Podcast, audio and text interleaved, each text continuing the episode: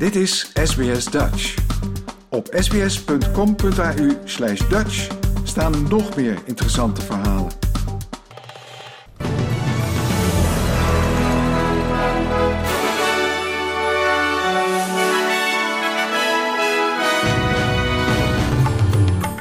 Dit zijn de headlines van het SBS Dutch nieuwsbulletin van woensdag 22 maart.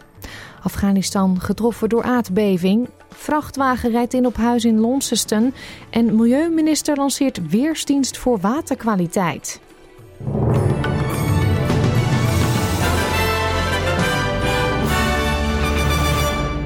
Afghanistan is getroffen door een aardbeving met een kracht van 6,5 op de schaal van Richter. De beving werd ook gevoeld in Pakistan en India. Volgens de woordvoerder van het ministerie van Rampenbeheersing van Afghanistan zijn in de noordoostelijke provincie Lachman tenminste twee mensen omgekomen en acht anderen gewond geraakt. De meeste dodelijke slachtoffers zouden zijn gevallen in de Pakistaanse provincie Khyber Pakhtunkhwa, vlakbij de Afghaanse grens.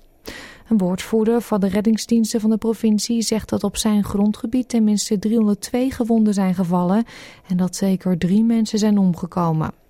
Ook sprak hij over aardverschuivingen die wegen blokkeerden in de noordelijke stad Abbottabad. In heel Pakistan is er veel structurele schade. Zo zijn er hoge gebouwen in Islamabad, Rawalpindi en Peshawar geëvacueerd.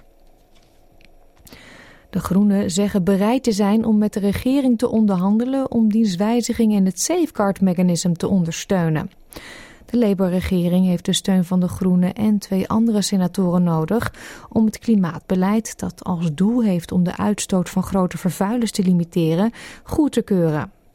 De Groenen hebben tot op heden het wetsvoorstel niet gesteund, omdat ze een verbod willen op nieuwe kolen- en gasmijnen. Groene leider Adam Bent zegt dat de Groenen nog steeds bereid zijn om andere voorstellen om het safeguard mechanism te versterken te bekijken, zoals een klimaattrigger of een pauze in nieuwe projecten voor fossiele brandstoffen. We've said from the beginning that we will look in good faith at any other proposals that are put on the table to help us find a way through this. So some have suggested that we have a climate trigger, for example, which means you can't approve new projects in this country uh, unless climate is taken into account. Um, basic proposition, you should think it'd be there already. Uh, others have said, why don't we put a pause on new projects? Others have said, look, why don't we put a, a cap in the legislation so that pollution actually has to come down and that these coal and gas corporations can't just buy their way out of it by buying permits. We're prepared to look at all of those things in good faith.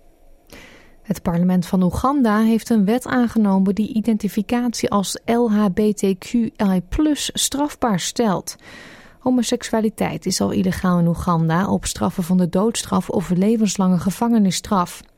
De wet verbiedt nu ook het promoten van homoseksualiteit of het uitoefenen van homorechtenactivisme. Ook stelt het de samenzwering tot homoseksualiteit strafbaar, een term die trouwens niet verder is gedefinieerd. Voorzitter van het Oegandese parlement, Anita Annette, zegt dat de wet de traditionele waarden van het land beschermt. This is an incredibly exciting step forward. This is like a weather service for water. I'm excited about this because uh, when you see um, tragic events like the mass fish kills in Menindee, it shows how very important it is to be able to predict events like the um, Blackwater event that seems to be responsible for this mass fish kill. En zoals we kunnen horen ging deze quote helemaal niet over Oeganda, maar dat was minister van Milieu Tanja Pilbersek.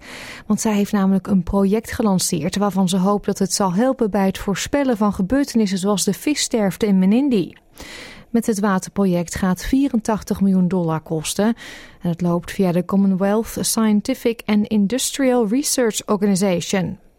Mevrouw Pilbersek zegt dat de Weerdienst voor Waterkwaliteit, zoals ze dat dus zelf zojuist noemde, milieurampen zoals de recente vissterfte in New South Wales zal helpen voorkomen.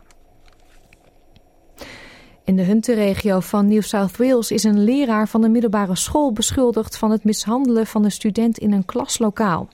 De politie werd gisterenmiddag naar Maitland Grossman High School geroepen na berichten dat een leerling was aangevallen door een mannelijke leraar.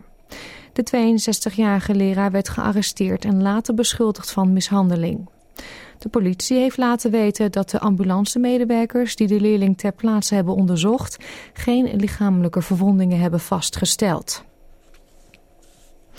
In Launceston op Tasmanië zijn drie mensen ernstig gewond geraakt bij een ongeluk waarbij een vrachtwagen inreed op een huis. De politie van Tasmanië zegt in een verklaring dat de vrachtwagen het huis binnenreed na een aanrijding met een auto. In de verklaring staat ook dat de vrachtwagenchauffeur en de twee inzittenden van de auto ernstig gewond geraakt zijn en zijn overgebracht naar het ziekenhuis voor behandeling. De bewoners van het huis bleven ongedeerd. Uit een nieuw rapport blijkt dat de gevangenispopulatie in Victoria enorm is gestegen, terwijl de overheidsuitgaven in de sector bijna zijn verdubbeld. Uit het rapport van het Justice Reform Initiative blijkt dat het aantal gevangenen in de staat de afgelopen 10 jaar met 32% is gestegen, terwijl de uitgaven voor gevangenissen met een 96% zijn gestegen. Justice Reform Initiative brengt voormalige parlementariërs, inheemse leiders, gerechtelijke figuren en andere experts samen die werken aan de hervorming van gevangenissen. Uit het rapport blijkt onder meer dat meer dan de helft van de gevangenen eerder vast heeft gezeten. Het totaal aantal kinderen in detentie is de afgelopen tien jaar gedaald. Sportnieuws dan. Arsenal zal een achterstand van één doelpunt op Bayern München moeten wegwerken als ze het laatste vier van de UEFA Women's Champions League willen bereiken. 20.000 bezoekers zagen hoe Bayern gisteren in de 39e minuut op 1-0 voorsprong kwam in het Allianz Stadion. Het lukte Arsenal niet, mede door een schot op de paal van de Australische Caitlin Ford om de gelijkmaker te scoren. De wisselkoers dan. Voor 1 Australische dollar krijgt u, 1, krijgt u 62 eurocent. En 1 euro is op dit moment 1,61 dollar waard.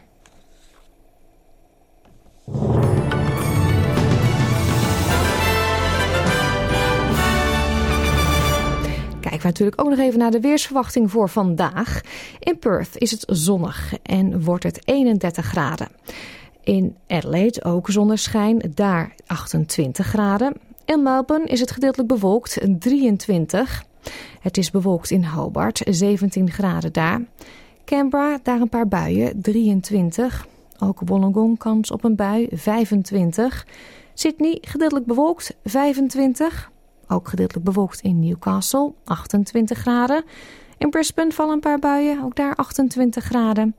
Buien ook in Cairns, 31. Darwin, buien met kans op onweer, 32 graden. En in Alice Springs is het zonnig en wordt het maximaal 37 graden. Dit was het SBS Dutch News.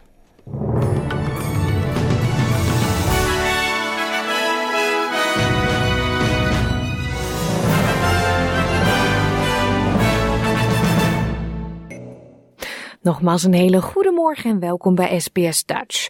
Straks een verslag van het Holland Festival dat afgelopen weekend plaatsvond in Berwick. Maar eerst gaan we het hebben over vapen. De belangrijkste medische instantie van Australië roept namelijk op tot strengere regelgeving rond vapen, na een nieuw rapport over de gezondheidsrisico's van e-sigaretten. Het onderzoek toont aan dat tieners die vapen drie keer. Like, deel, geef je reactie. Volg SBS Dutch op Facebook.